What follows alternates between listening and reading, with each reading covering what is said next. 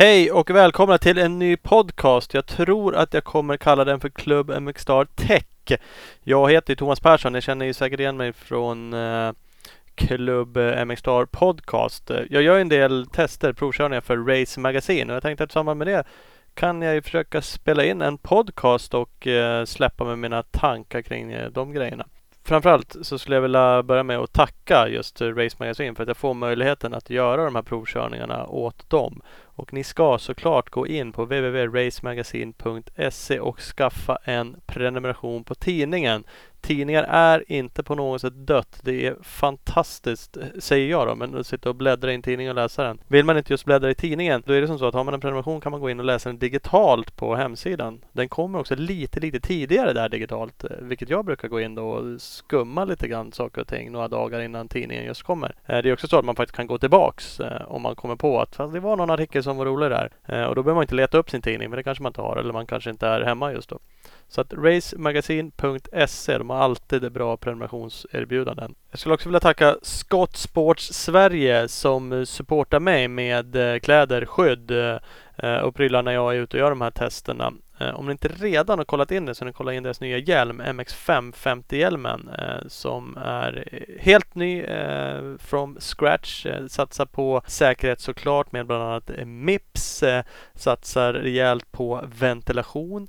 Eh, jag har kört med hjälmen, haft turen att få köra med hjälmen redan från och med eh, juni för mig det var när jag gjorde ett KTM-test till att börja med.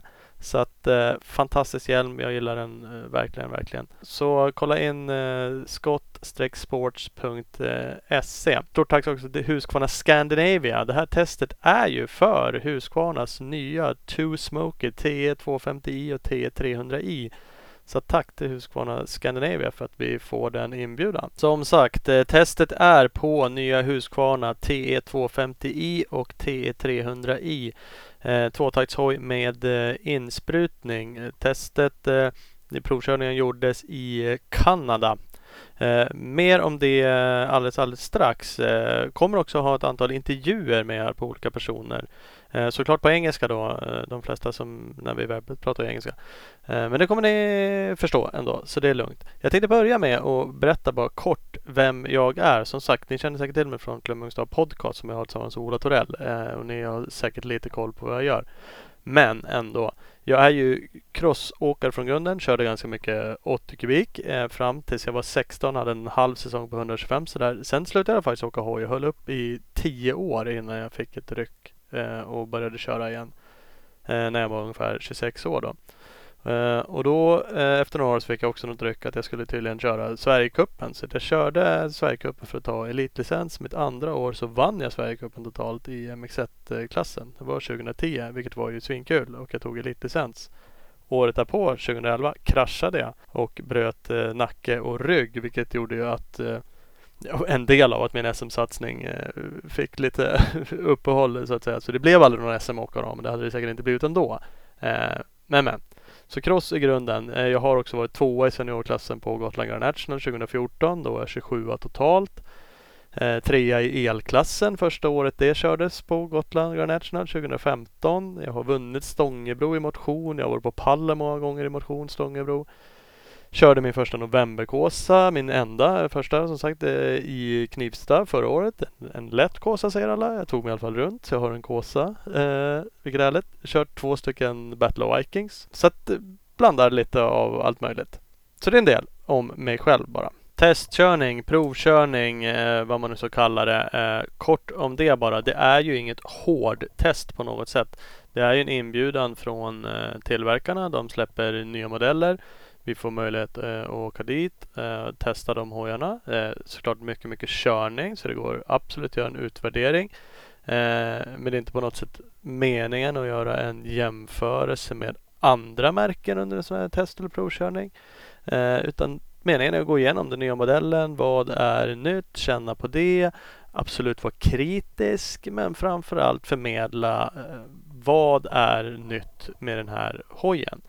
Vill man ha mer grundläggande hårdtester och sånt här, då, då måste man nästan ha en cykel under en längre period. Så det, det, är någonting lite annat tycker jag. Det kanske kan bli aktuellt framöver att ha sådana tester också. Men jag skulle inte säga att det är riktigt det med det här. Husqvarna TE 250 TE 300i alltså. Vi fick ju möjligheten, jag, Race Magazine, att åka till Kanada för att göra det här testet. Så vi var ju på Panorama Mountain Resort i British Columbia, Canada. En skidanläggning eh, som eh, också är en downhillanläggning. De öppnade veckan efter med downhill, så när vi var där så var det mer eller mindre eh, tomt på anläggningen. Men det var helt magiskt. Så sjukt, sjukt fint. Eh, Eh, härlig eh, natur, lite svenskaktigt faktiskt Kanada. Skidanläggning som sagt, branta backar upp för branta backar nerför. Vi åkte ända upp på toppen, körde faktiskt genom lite, lite snö eh, som det var på toppen. Eh, men inte så mycket, det var ju extremt stora höjdskillnader. Också en av anledningarna att vi just var på ett sånt där ställe. Eh, nya insprutningen har ju möjligheter att ställa in sig på ett annat sätt än vad förgasare har. Så att vi startade på 1150 meter över havet och vi körde upp till, jag tror det var 2370. Så att vi hade ju 1220 meters höjdskillnad eh, när vi åkte. Så att eh, det var ju riktigt, riktigt härligt mycket, mycket snack om björnar faktiskt. Och vi såg björnar redan nere från hotellet. Så gick det två eh, björnar uppe i backen där, två svarta prickar. Eh, en rolig historia var också att när vi stod på absoluta högsta punkten vi var på så började italienarna prata med varandra för fullt och peka och gestikulera. Så var det två små svarta prickar långt uppe på ett annat berg. Vi stod och tittade där och liksom, äh, det var björn, det var björn sa alla. Uh, Colton Haker körde i min grupp då också och han var så nej det är människor sa han. Det är inte björnar. Vi stod och tittade länge och så bara, ah, det var ingen riktigt som kunde avgöra. Det visade sig sen, uh, Dalida från Husqvarna Scandinavia från Sverige var ju med på resan också. Det var ju hon och en kanadensisk uh, kollega på Husqvarna som hade klättrat på det där berget. Så att alla var ju sjukt taggade på att se björn. men i det här fallet var det ju faktiskt människor. Eh, men men, eh, så kan det vara i alla fall. Jo, jag nämnde ju det. Vi kommer att eh, köra ett antal intervjuer under de här tech-podcasten för att få höra lite grann hur vad, vad tycker märkena själva? Eh, först ut i det här avsnittet är Justin Maxwell. Han är Head of Product Marketing. Eh, och jag tänkte att han skulle få berätta lite grann om hojarna. Så ska jag eh, reda ut det lite grann eh, efteråt också och såklart reda ut eh, eh hur jag kände kring det. Eh, ni hörde att jag nämnde också Colton Haker, eh, att han var med oss och körde. Jag har en intervju med, med Colton också som vi ska riva av i slutet eh, av det här. Med oss var också Pela René i några av grupperna och körde så det är fantastiskt kul när de har de här duktiga förarna med så att man får eh, träffa och prata med dem och se dem åka hoj så att det är sjukt kul. Eh, men först ut, vi ska lyssna på vad Justin Maxwell, Head of Product Marketing, har att säga. So okay, I'm here with Justin Maxwell, head of product marketing. Uh, talk a little bit about uh, the new bikes. It's a TE 250i uh, and TE 300i. We're standing by a 300 now. Uh, so just talk a little bit about the, the changes on the bike. Uh, of course, everybody know it's this pretty much the same chassis and some stuff from last year. That okay? That's true. Yeah, that's that's true. Uh, it's the same chassis that we released last year in our new generation uh, enduro motorcycle model lineup for uh, model year 17. Uh, now moving on to uh, model year 18, uh, big change in what we have in our two-stroke technology. With uh, mounting pressure from Euro 4 homologation regulations, we've now developed a fuel-injected uh, TE250i and TE300i, uh, securing a good model lineup for us and securing the future of a two-stroke in the Husqvarna model range well into the future. Yeah. So that that's that is of course the the, the big thing with this bike. It's the fuel injection. Uh, it's the main reason you, you, told me now. Is it the, the environmental Euro 4 thing? Is that mainly why you do it? Uh, it was it was one of the big reasons, yes, of course. Uh, but at the same time, with this pressure uh, from environmental agencies or re- environmental regulation, we also looked at further developing a two-stroke in, in, in itself. So you know, making two strokes more convenient for customers to use at the end of the day, more rideable, and a, and a lot more easier to deal with uh, than what they were in the past. Yeah. That's you said convenient because that's are some main things you you don't need to be jetting a carburetor and stuff like that. What what's more convenient for for the rider? Yes, basically uh, the the main benefits we have of our new injection technology, as you mentioned, no jetting needed. So there's there's five sensors on the bike which all relay information to uh, the electronic control unit or the ECU, and this will automatically adapt uh, the engine behavior, the fueling. For, for the, the and the, the air intake for the bike to automatically adapt for uh, temperature changes, altitude changes, as well as humidity. So the bike is always running at its best in every changing condition. Uh, additionally, for that, we have now an independent oil and fuel supply. So our oil is actually introduced via an injection system right on the throttle body. So this this takes away the need to mix two-stroke oil with your fuel, and this is stored in a separate uh, oil tank. And at the same time, it also reduces the amount of oil that is used on the bike. Uh, so this is a major benefit, meaning that when you're out on the trail, you do not have to carry extra two-stroke oil around with you you can just uh, fill up with normal pump gas and the bike will mix its fuel, uh, the fuel and the oil together for you. Um, the, the tank that we have holds roughly about enough oil for the minimum of at least five tanks of fuel, so it's a lot more convenient that we have. Um, another big benefit that we have is through our injection technology, we're able to make the bike a lot more efficient, uh, reducing the uh, emissions, of course, for the uh, environmental regulations, but at the same time reducing fuel consumption. So this is reduced significantly uh, by average around about 40%, meaning that you can be on the trail for much longer without having to to refuel. Uh, we find the fuel consumption being much closer to our four-stroke model uh, model range now, so much more convenient. Okay, that, that's good. I got some questions from uh, our listeners and from the magazine readers uh, about, uh, of course, it's a new electronic that's uh, controlling all these uh, injections and sensors and things like that. Will it be possible for for the rider or for the the shops that's selling the bikes to do some tweaking in the electronics or? Um, the electronics themselves are, are in stock bike comes with a standard map switch. So on the map switch like we had it in the past, you have two available maps.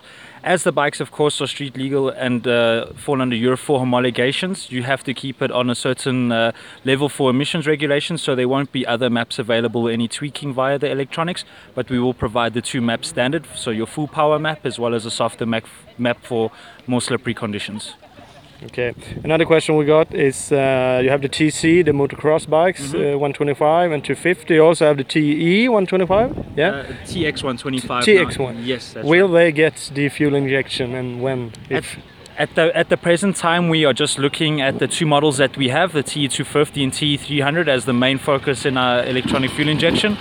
In the future, it will have to be determined. We don't have any plans at the moment of moving this into uh, into motocross technology. It, it's not needed at the time being, but uh, this will be evaluated in the future. There's there has been no decision made as yet. okay, great. Thank you very much for for answering the Thank questions. Justin Maxwell, Head of Product Marketing alltså, berättade om hojen. Insprutning mina vänner. Det är ju som så att Husqvarna är ju först ut med elektronisk insprutning på en produktionsenduro eller cross-enduro i det här fallet. Eh, så att de drar ju eh, ett stort, stort last tänkte jag säga. Det, det är klart det, det är nytt, nytt för dem. Det blir nytt för oss, det blir nytt för användarna. Men det är ju sjukt häftigt. En stor anledning är ju det jag var inne lite på. Euro 4. Det är ju alltså ett miljökrav som finns kring hojar. Eh, Lite skumt kring det är ju att det släpps ju faktiskt endurohojar idag med förgasare som säger att de uppfyller Euro 4. Och där försökte jag grotta lite i med Husqvarna och med andra. En del säger att det är för att eh, Husqvarna KTM-gruppen gör så pass mycket hojar så får de andra krav. Eh, det verkar inte stämma tyckte jag.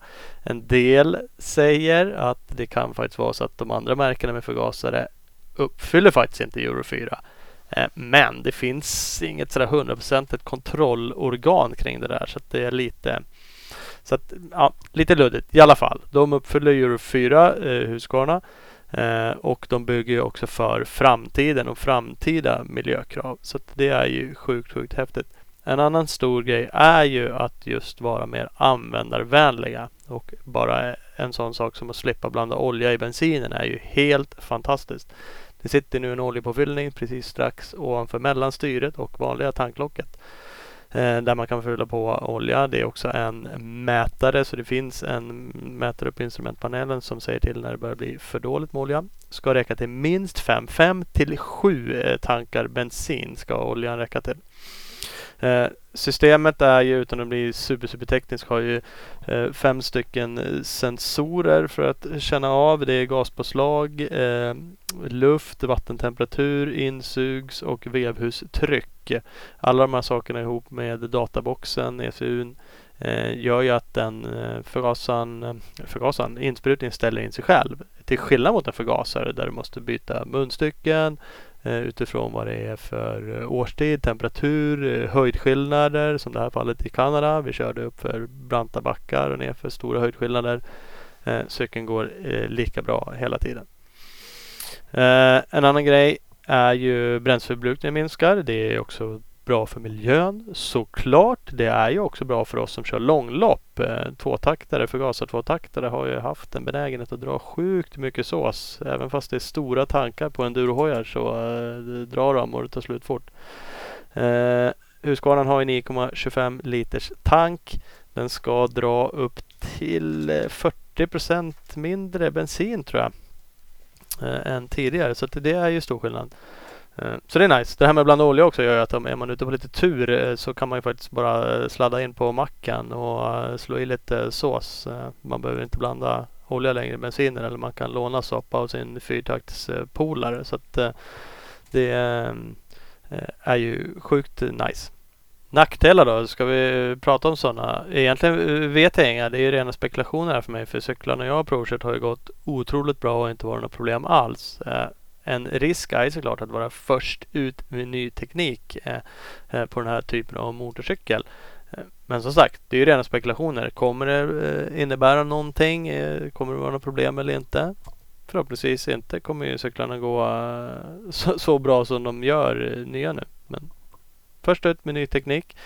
En annan del som kan kanske för vissa som vill tuna väldigt är att vi är ännu mer elektronik nu vilket gör att databoxarna är låsta, eh, precis som Maxwell pratade om. Det finns ett antal kurvor till de stora kända trimrörerna eh, som handlarna kan hjälpa till att skjuta in. Eh, Husqvarna kommer att kunna släppa eh, nya mappar om det behövs ut till handlarna som man kan uppdatera om det är någonting eh, som är galet. Eh, Mappswitch Map switch finns ju så att vid två olika mappar finns. Du har en standardmapp och du har en mer eh, soft eh, mapp på dem. Så det är ju det som man som eh, förare kan justera själv egentligen. Så att ja, e egentligen inga nackdelar, rena spekulationer utan cyklarna går otroligt bra. Nu till det göttiga. Vad tycker jag egentligen om eh, hojarna? Eh, jag pratade lite om, om naturen och vart vi var. Det var helt fantastiskt att vara på, på den här resorten i, i Kanada och det var ganska svensklik eh, natur faktiskt. Vi körde på mountainbike-leder upp eh, och ner. Otroligt brant. Så där brant kör man nästan aldrig. Även om även i Sverige har haft endurotävling i alla fall i skidbackar så kör man, jag kör i alla fall aldrig på det här sättet. Eh, som sagt fint. Mindre sten, mindre rötter än i Sverige. I övrigt så väldigt likt det vi eh, eh, våra natur. Så det är såklart eh, eh, intressant i, i testsynpunkt. Insprut. En grej med just insprut är ju att den levererar ju eh, effekten på ett mycket, mycket jämnare och exaktare sätt. En förgasare kan ju ha sina egenheter. Den har lättare för att vara felinställd. Eh, kan vara lite mer allt eller inget här levereras det otroligt mjukt gång och extremt eh, mycket effekter faktiskt. Framför allt 300. Det är också så att det finns inga tendenser alls till boggningar. En förgasare om man klipper i fullt eh, kan ju ha en tendens att bogga till lite innan effekten kommer. Framförallt kanske om man har kört på väldigt, väldigt låga varv så kan man i alla fall behöva gasa ur förgasaren. Att man helt enkelt med kopplingen eh, varvar ur så att man rensar ur förgasaren. Eh, behöver man ju aldrig göra med en eh, insprutshoj längre. Vi körde i ett antal olika grupper så det var ju flera hela tiden ute i spåren. Det där gör ju ibland att det är svårt att pressa på riktigt ordentligt. Man ligger på kö helt enkelt och åker i spåren. Och det är ja, lite frustrerande att inte riktigt kunna sjunga ur som man vill ute i skogen.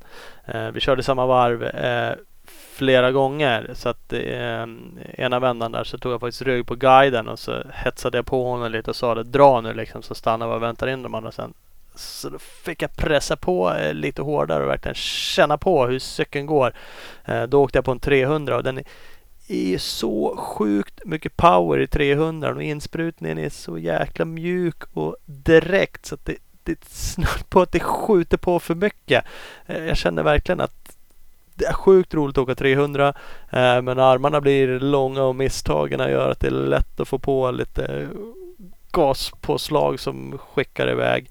Eh, man känner också när man pressar på lite att fjädringen eh, är i mjukaste laget eh, som standard. För mig åtminstone. Jag är 186 cm lång ungefär och 80 kilo, strax över 80 kilo.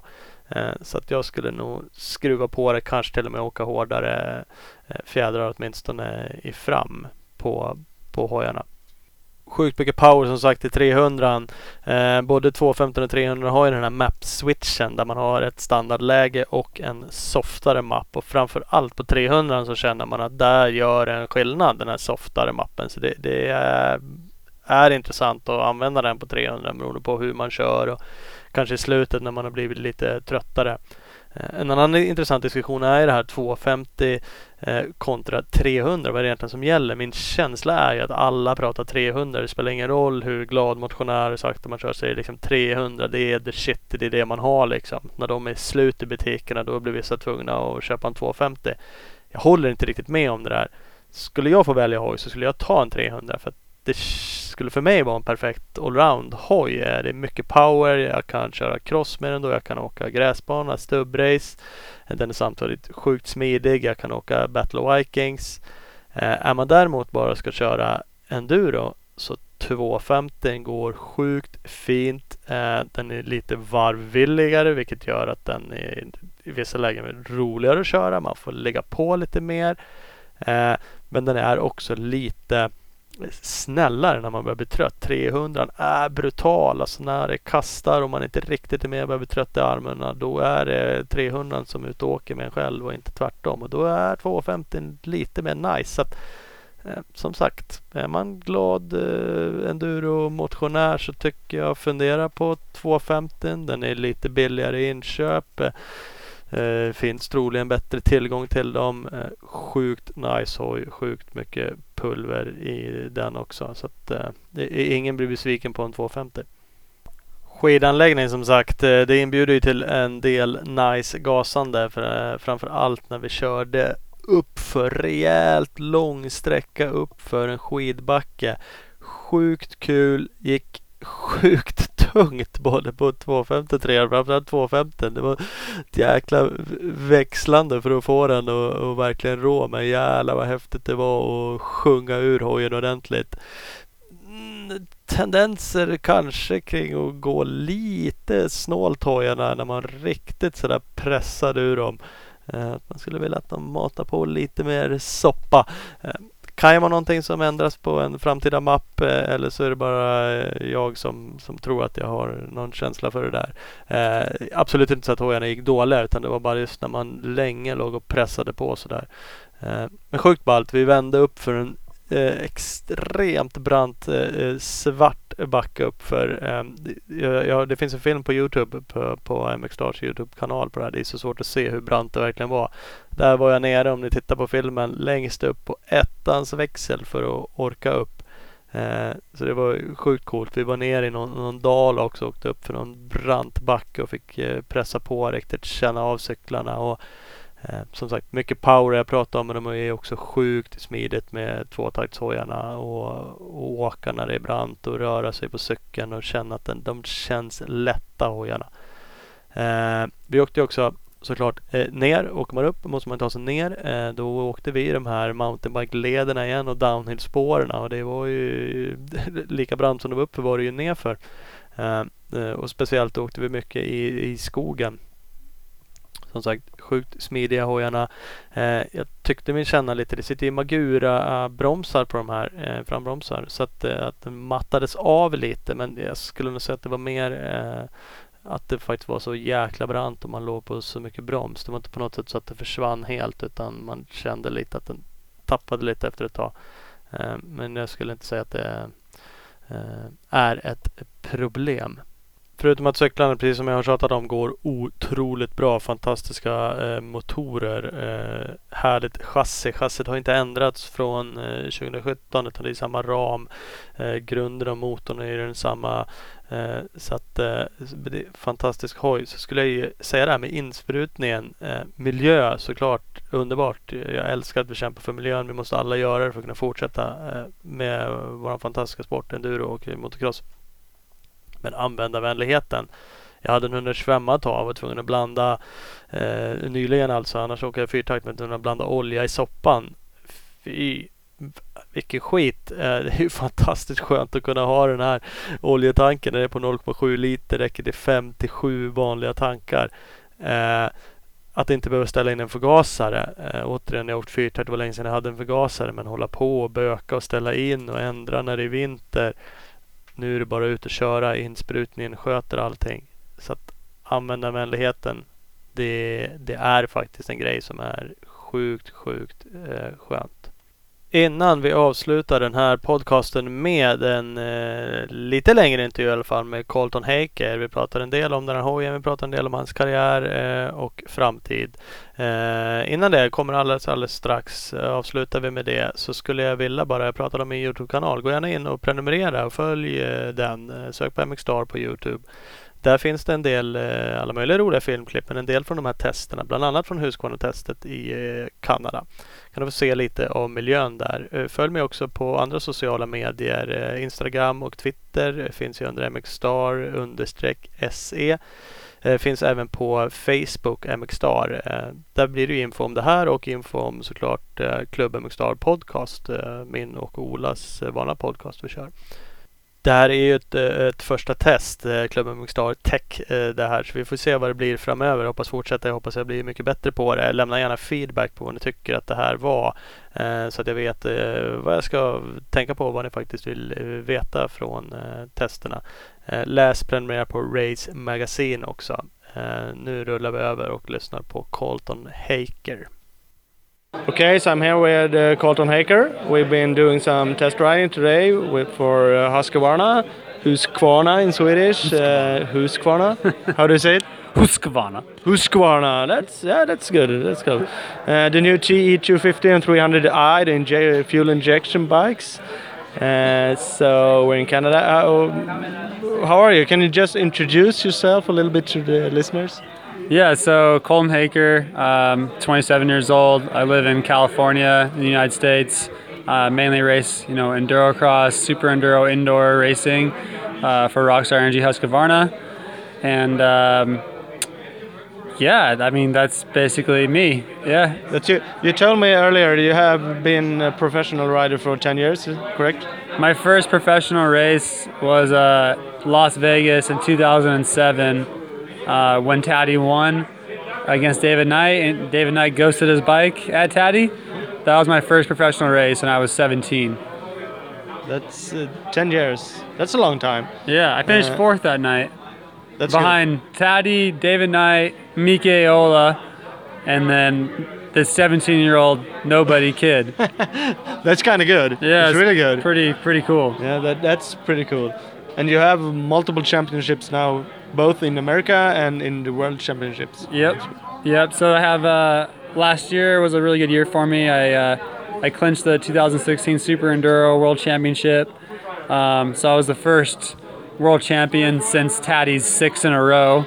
So it was kind of I think refreshing to see somebody else win for once. Yeah, and then. Uh, and then I won the American Championship right after that. Um, so that was my first time winning the American Championship. And then uh, that went directly into Super Enduro again in 2017. And I backed up 2016 Championship and won uh, in 2017 in France.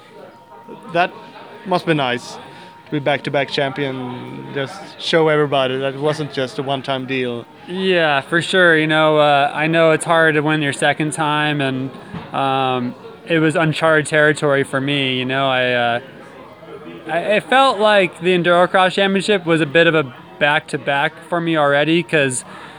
You know, in 2016 in the Super Enduro Championship, it was between Cody Webb and myself at the final race, and uh, and then in 2007, 2016 Super uh, Endurocross Championship, we went head to head again.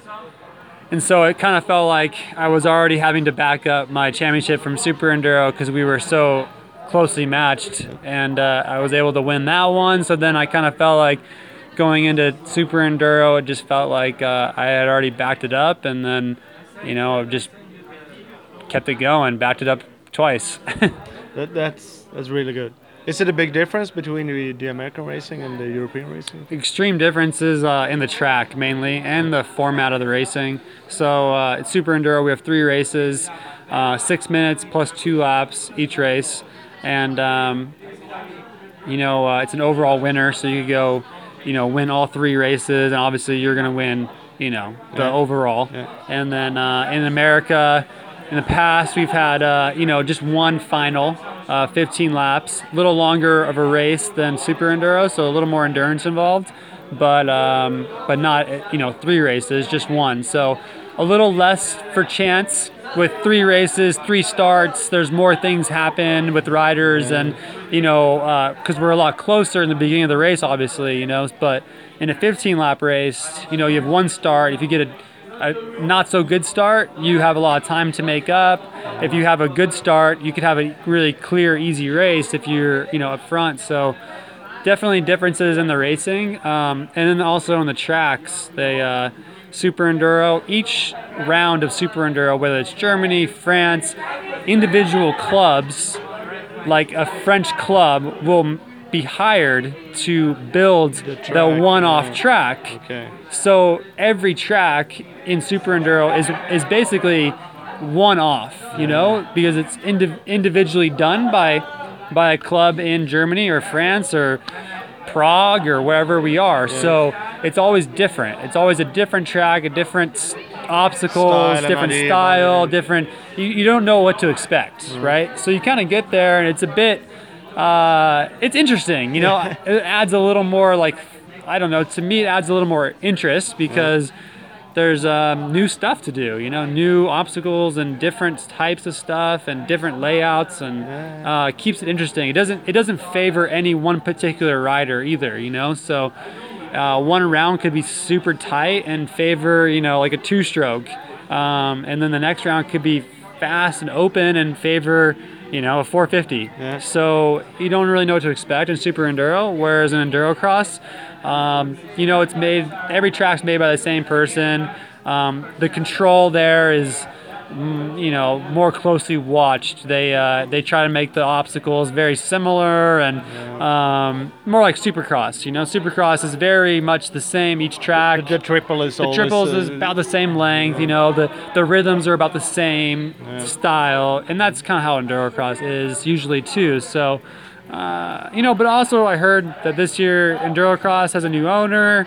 Um, Eric Pinard is back controlling endurocross, and uh, new format this year with bracket racing and Okay. more head-to-head racing and. Um, um, still a final of 14 laps, I heard. Um, and uh, I also heard that the tracks are going to be different. They're going to be maybe more variances in the tracks. And um, also, I heard there's going to be a Joker, well, they're going to call it the no joke lane, Okay. which is going to be one of the 14 laps you have to ride the no joke lane, which is Harder. a very hard section apparently, okay. but you never get to practice. You just go and have to do. So um, Do you like it?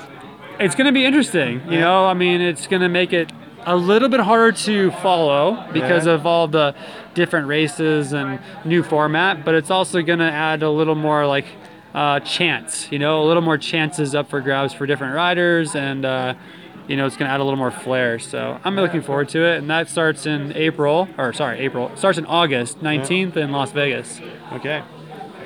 So about two months out now, about six to seven weeks. Yeah. It's not so much. Maybe coming back to, to racing Europe. I haven't been confirmed that I'll be back in Europe, but I, uh, I assume because I won the championship that I'll be returning. I think the first year that I don't win the championship, I don't think I'll go back. No. Because I don't know that I don't know that KTM. Uh, I don't know that Husqvarna will send me uh, because they'll probably have, you know, European riders uh, that they'll want to hire. But when you are the champion, you should go. When you're the champion, I think you have the rights to, to go. Yeah, That's good. It's good for us. It's nice. I think so. I mean, I I, I really enjoy Europe. I I put a lot of effort into, you know, wanting to continue to go. It, for me, it's a lot of fun going overseas. I have a lot of fun experiencing new cultures, uh, seeing new places, um, and honestly, uh, just enjoy the the racing over there a lot. So That's good. That's right. You want to come to Sweden and race? yeah, of course. What do I want to go everywhere to race. You want to race enduro, super enduro? All of it. We have this uh, November course on. Uh huh. It's really hard. You ride in, uh, in in at the night too, so you have to ride with uh, with lights. And Okay. Like that. Is it Yeah, cold? Is it cold? It's cold. It's in November. It's the only thing I can't handle is the cold. Ah, okay. It's, it's in November, so it's cold and it's wet yeah. and it's long. Yeah. It's like Sounds like it's 10 gonna- to 15 hours. Oh, wow. Both day and night. Oh wow. That Some- sounds that sounds really really fun. Sounds really, really fun. it, it is not that fun actually, but it's it's hard. no, I find you a good race. And Yeah. I'll get back to you. Uh, we have to talk about the bikes. Um, the, the bikes we've been riding today. Uh, it's your first time riding the new injection bikes too. Yes. Uh, so we, we've been riding the 250 and uh, 300 bikes today. Uh, how do you like it? Yeah, you know, at first it was a bit to get used to. Um, I wasn't really, obviously, with my own two stroke, I have a lot of tuning. You know, I've done a lot of testing and tuning with the carbureted, you know, version of the of the two stroke, and uh, so the fuel injection at first didn't didn't really feel like it suited me that well. It was a little bit slow off the bottom for my more aggressive style of riding.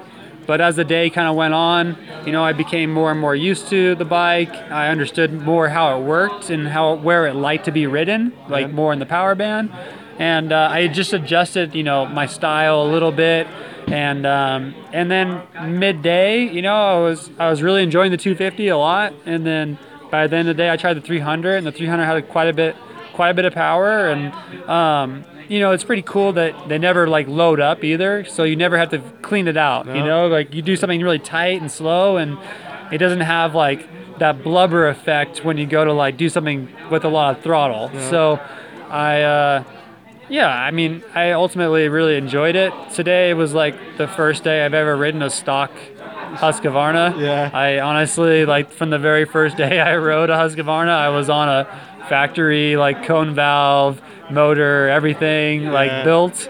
So, honestly, today was the first day I ever ridden a production bike. And, uh, and I thought it was great. I mean, the suspension was was good too. You know, um, the suspension's a bit soft in the front for me, Yeah, a little more speed, but uh, it also doesn't deflect as much as like a more set up cone valve set. You know, it it takes the uh, edges of if you make a little mistake and you hit the edge of like a rut or a root, it doesn't it doesn't deflect and kick you offline. It it kind of just handles that. The bike you have, the, cone wall. Yeah. This one, this Oh, one this handles one, it pretty well. Yeah, My yeah, cone yeah. valve does too because I've done a lot Yeah, of testing for it. But But this one. but as a production set, it actually handles that quite well. Um, the only thing I could say is, you know, on, among like faster, bumpier trail, it, it just kind of it moved a lot. It didn't really take away the smaller chop, and so it kind of beat up my hands a little bit, and and it was a little more work to kind of be smooth over that stuff. But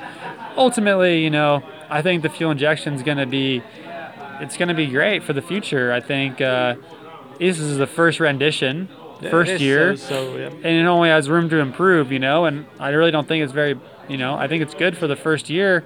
Uh, I look forward to, you know, the years to come, and I think it's going to be quite a bit better. see what hap- happens. Because you usually ride the mostly you ride it's the FX 350. yeah, That's the, FX bike? 350. I race in enduro cross and super enduro. So, yeah, I mean, for the last couple of years, I've mainly ridden, you know, four strokes. Yeah. Um, so I, I'm really used to, you know, the four-stroke power band for the most part, and I'm really used to, you know, the response of the fuel injection on the four-stroke and the throttle bodies and stuff like that. So. I always thought that the two-stroke, if it got fuel injected, I would be maybe a little more accustomed to it. and into it. Maybe Yeah. change to ride it because a lot of people do ride the two-stroke in in super enduro and Yeah. endurocross and Yeah, eh, you know everyone's pretty much on four strokes now. Alfredo Gomez was the only one on Okay, two stroke for the most bad, part. Yeah, but um, everyone else pretty much rides four strokes. But I I probably end up staying on a four stroke in super enduro and endurocross through 2000, you know, 18 and and then maybe after that I might look to go more into hard enduro. So I may ride a two stroke like year round in 2019 and yeah.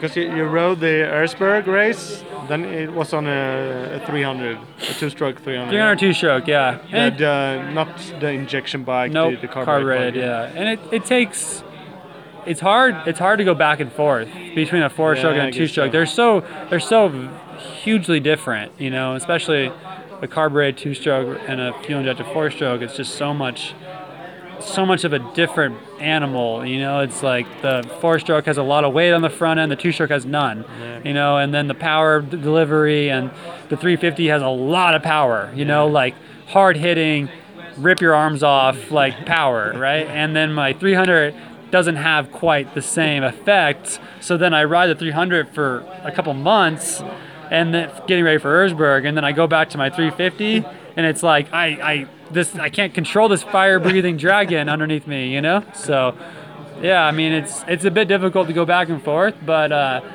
um, yeah, I, I I'm on a four-stroke from here till the end of March next year. I'm assuming. Yeah. So, now, so now it's Tomorrow might be my, my, my one of my last days on a on two-stroke. two-stroke. Then you go back to the. Then I four-stroke kinda go back to- prepare for all the races. yeah, that's good. Uh, thanks for the talk. yeah, no problem. Thanks. Yeah. Thanks for having me. Yeah.